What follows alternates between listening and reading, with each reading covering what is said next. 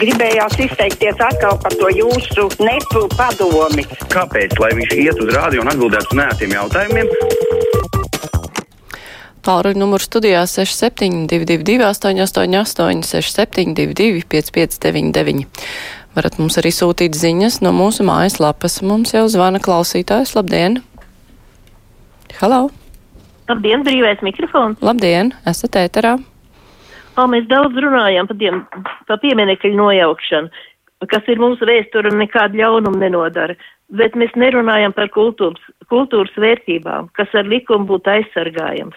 Piemēram, Bulduru un Asaru bibliotekas. Doma ir savi plāni, ko mēs nezinām, bet jūrmalnieku viedokļi pēc lūgumiem, piketiem, protestiem viņus neinteresē un sapulcē no lapiņas nolasīja, ka pēc kilometru skaita tik daudzus nedrīkst palikt un ir jālikvidē, melojot par miljoniem, kas jāiegulda. Tā nav patiesība, nekādus miljonus tur nevajag ieguldīt.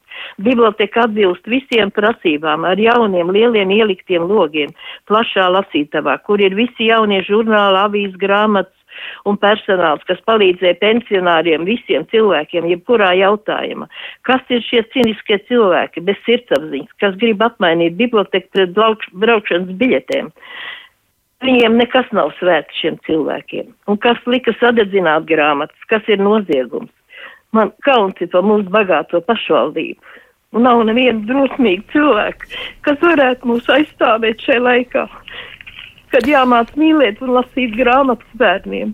Un, nu jā, jā. Es pat nevaru mm. pateikt, tas ir nav kam Jā, paldies. Nu, es jums piekrītu visā, izņemot tajā, ka netiek runāts. Nu, mēs runājam, mēs runājam par to, bet, diemžēl, domai ir tas, ko ir teikuši gan žurnālisti rakstījuši, gan sabiedrībā aktīvi cilvēki ir cīnījušies. Nu, tas izrādījās kā pīlei ūdens.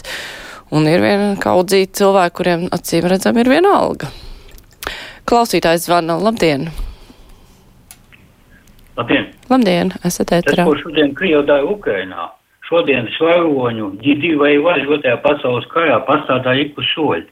Un tā es saprotu, ka tie, kas brauc pie Putina svinēt Staļina asiņā uzvaru, bija atzinīgi novērtējuši Krievu pastrādātās visdrausmīgākās reizes. Uz to rokām viennozīmīgi Ukraiņas sieviešu un bērnu asins.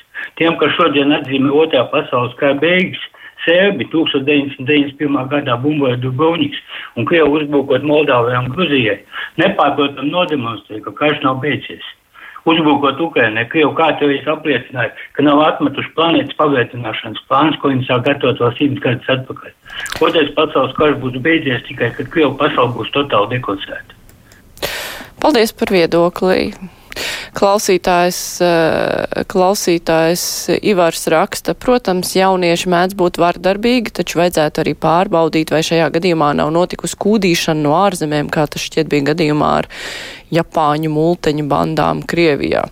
Nu, pārbaudīt jau, protams, visu var, bet uh, es domāju, ka tur agri vai vēl parādīsies, kas par lietu. Klausītājs Uldis raksta šobrīd policija par jauniešiem imantu skautiņu sakarā ziņo, ka tie ir 13 gadus veci, nekādu viņus nevar sodīt, bet kā ar vecāku atbildību vēl gadus 15, 20 atpakaļ, ja nemaldos, likums paredzēja vecāku atbildību. Jebkurā gadījumā vecākiem tiks uzdot jautājumu. Es pieļauju, ka ir arī pietiekoši liela sodi, kas varētu būt vecākiem par to, ka viņi, viņu bērni izdara kaut ko, bet nu skatīsimies, kas tālāk būs. Agnes raksta balvu novadā dažos mazos pagastiņos darbojas katrā pa divām bibliotekām. Tur nav svarīgi kilometri, bet attieksme. Nu, protams, es piekrītu tam. Klausītājs zvana, labdien, brīvais mikrofons. Labdien! Labdien. Uh, šodien pirms kādu laiciņu klausījos radio raidījums bija par konveršu algām un visu kaut kas tam līdzīgi, ka tur nemaksājot un kas tur un kā. Nu, bet tas jau gluži dabīgi. Paskaties vienā krastmalā vien, cik ir degvielas uzpildes stacija, jā? cik ir mikrorajonā lielveikali, jā? Un visi tādus apgrozījumus uzrāda, tādas peļņas, un beigās gada beigās, vai mums jau tur pa mīnusiem, un kas ir, vienkārši vajag paskatīties, kam tie visi, kam tas viss pieder, jā. Un tad tikai stāstīt cilvēkiem, pasaciņas, kad maksā konvertēs algas un visu kaut ko. Tas tā būs, tāpēc, kad lielajiem vīriem viss tas pieder. Paldies par zvanu. Klausītāja raksta. vardarbība Jēkabili imantā uz ielas pagalmā, darbā, ģimenē un kur tik vēl ne. Un pret katru no tām ir cita attieksme, cita cīņa un tiek tērēti vai arī netiek eh, tērēti kaut kādi valsts un sabiedriskie resursi.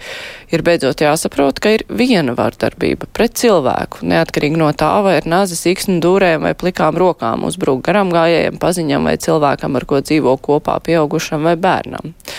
Tā mums raksta klausītāja drosma.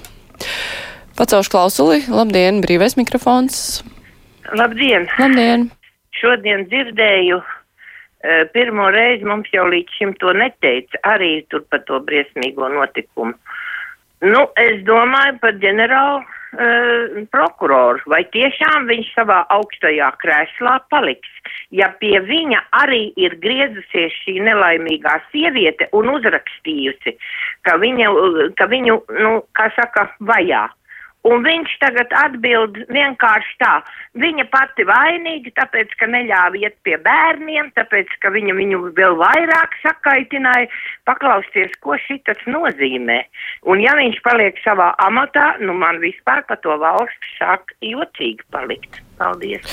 Jā, paldies. Nu, gluži tā viņš neteica, bet jā, tā atbilde Latvijas televīzijā bija.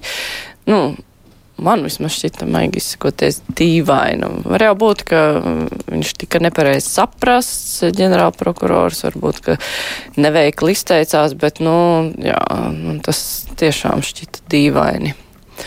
Ceļu klausuli, brīvais mikrofons, labdien! Labdien! Labdien! Ivars Bauska. Uh, gribētu sakarā to mm, imants, to mm, bandu grupējumu pusauģi.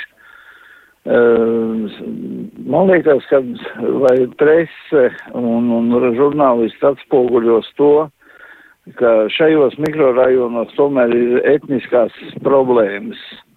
Un, un, un, un, min, un tā saucamās minoritātes ir ļoti agresīvas. Viņas pat to baudarāja un ķengraks, ja. Un lūdzu, lūdzu ne, nepaslēpiet to, ja gadienā trīs izrādās. Ja nav, kas to ir izraisījuši, tas ir nosodām, ja. Bet lai tas būtu zināms. Paldies! Jā, paldies. Ne, nu, protams, ja tur ir etnisks naids uh, apakšā, protams, ka par to ir jāziņo, ja tā ir. Mēs vēl nezinām daudz ko. Nu, pagaidām, cik sociālajos tīklos ir stāstīts, ka tur ir dažādu tautību šie pusauģi bijuši, bet uh, kamēr nezinām, labāk nespriest, uh, jo tā tikai var aizrunāties pārāk tālu, un tad puspatiesības kāds pieņem par patiesībām, un nekas labs no tā nesanāk. Klausītājs zvana, labdien, atbalsts pārāk stipras, slēdziet laukā radio. Nekas nesanāca, labi, mēģiniet vēlreiz. Pacelšu vēl telefonu. Labdien! Halo! Labdien. Sveiki, esat ēterā! Jā, te no Jaudovas zvana. Mēs ar vīru, kā mēs, nu, man nepatīk, ka jau, nu, Radio 1 un Radio 2 ir uh, tie reperi un hip-hopi. Un tagad nodien bumbierīti un, un visu. Un man vīrs saka, nu nospied podziņu. Bet es saku, nu es nometīšu pāris kilogramus, lai spiestu visu laiku to podziņu. Nē, nu, es domāju, ka varētu būt nu, kaut kāda programma vai tā kā sporta vai tā tie hip-hopi un reperi, nekā radio divi viņi jau neklausās. Un, nu, mums jau patīk tāda, nu, nu, skaista mūzika. Jā, paldies. Ja nu būtu kaut kāds atsevišķs raidījums. Nu, Vīrs saka, ka ievāka paliks, nu, te podziņu un viss. Bet nu, tagad ir tik daudz tās, nu, reperi, hip-hopi, nu, es neredzu jēgu, ne mūzika, ne vārdiem, ne, ne, nu, katram jau ir sava galma, bet, nu. Jā, paldies, ne, skaidrs, katram ir sava galma, un Mēs e, gribam parādīt dažādu mūziku, un e, Latvijas Radio 2 ir e, nevis smukās mūzikas kanāls, nu, kā jūs minējāt, bet latviešu mūzikas kanāls. Un, kur skan tikai latviešu mūzika, un latviešu mūzika ir dažāda. Bet jā, varbūt tiešām ir jādomā, lai būtu atsevišķas programmas tiem, kam gribas to, kā jūs minējāt, smuko mūziku un rep, reperiem un hip-hopam kādu programmu veltīta. Klausītājs zvana. Labdien! Labdien! Esat ēterā? Esat ēterā? Jā, jā. Uh, par varadarbību, nu, ko mēs varam gribēt no bērniem, kuri no divu gadu vecuma skatās neierobežotā daudzumā vardarbīgas multiplikācijas filmas un, un visādas spēles. Tas līdz 13 gadiem jau tas, kā teikt, sakāpinās.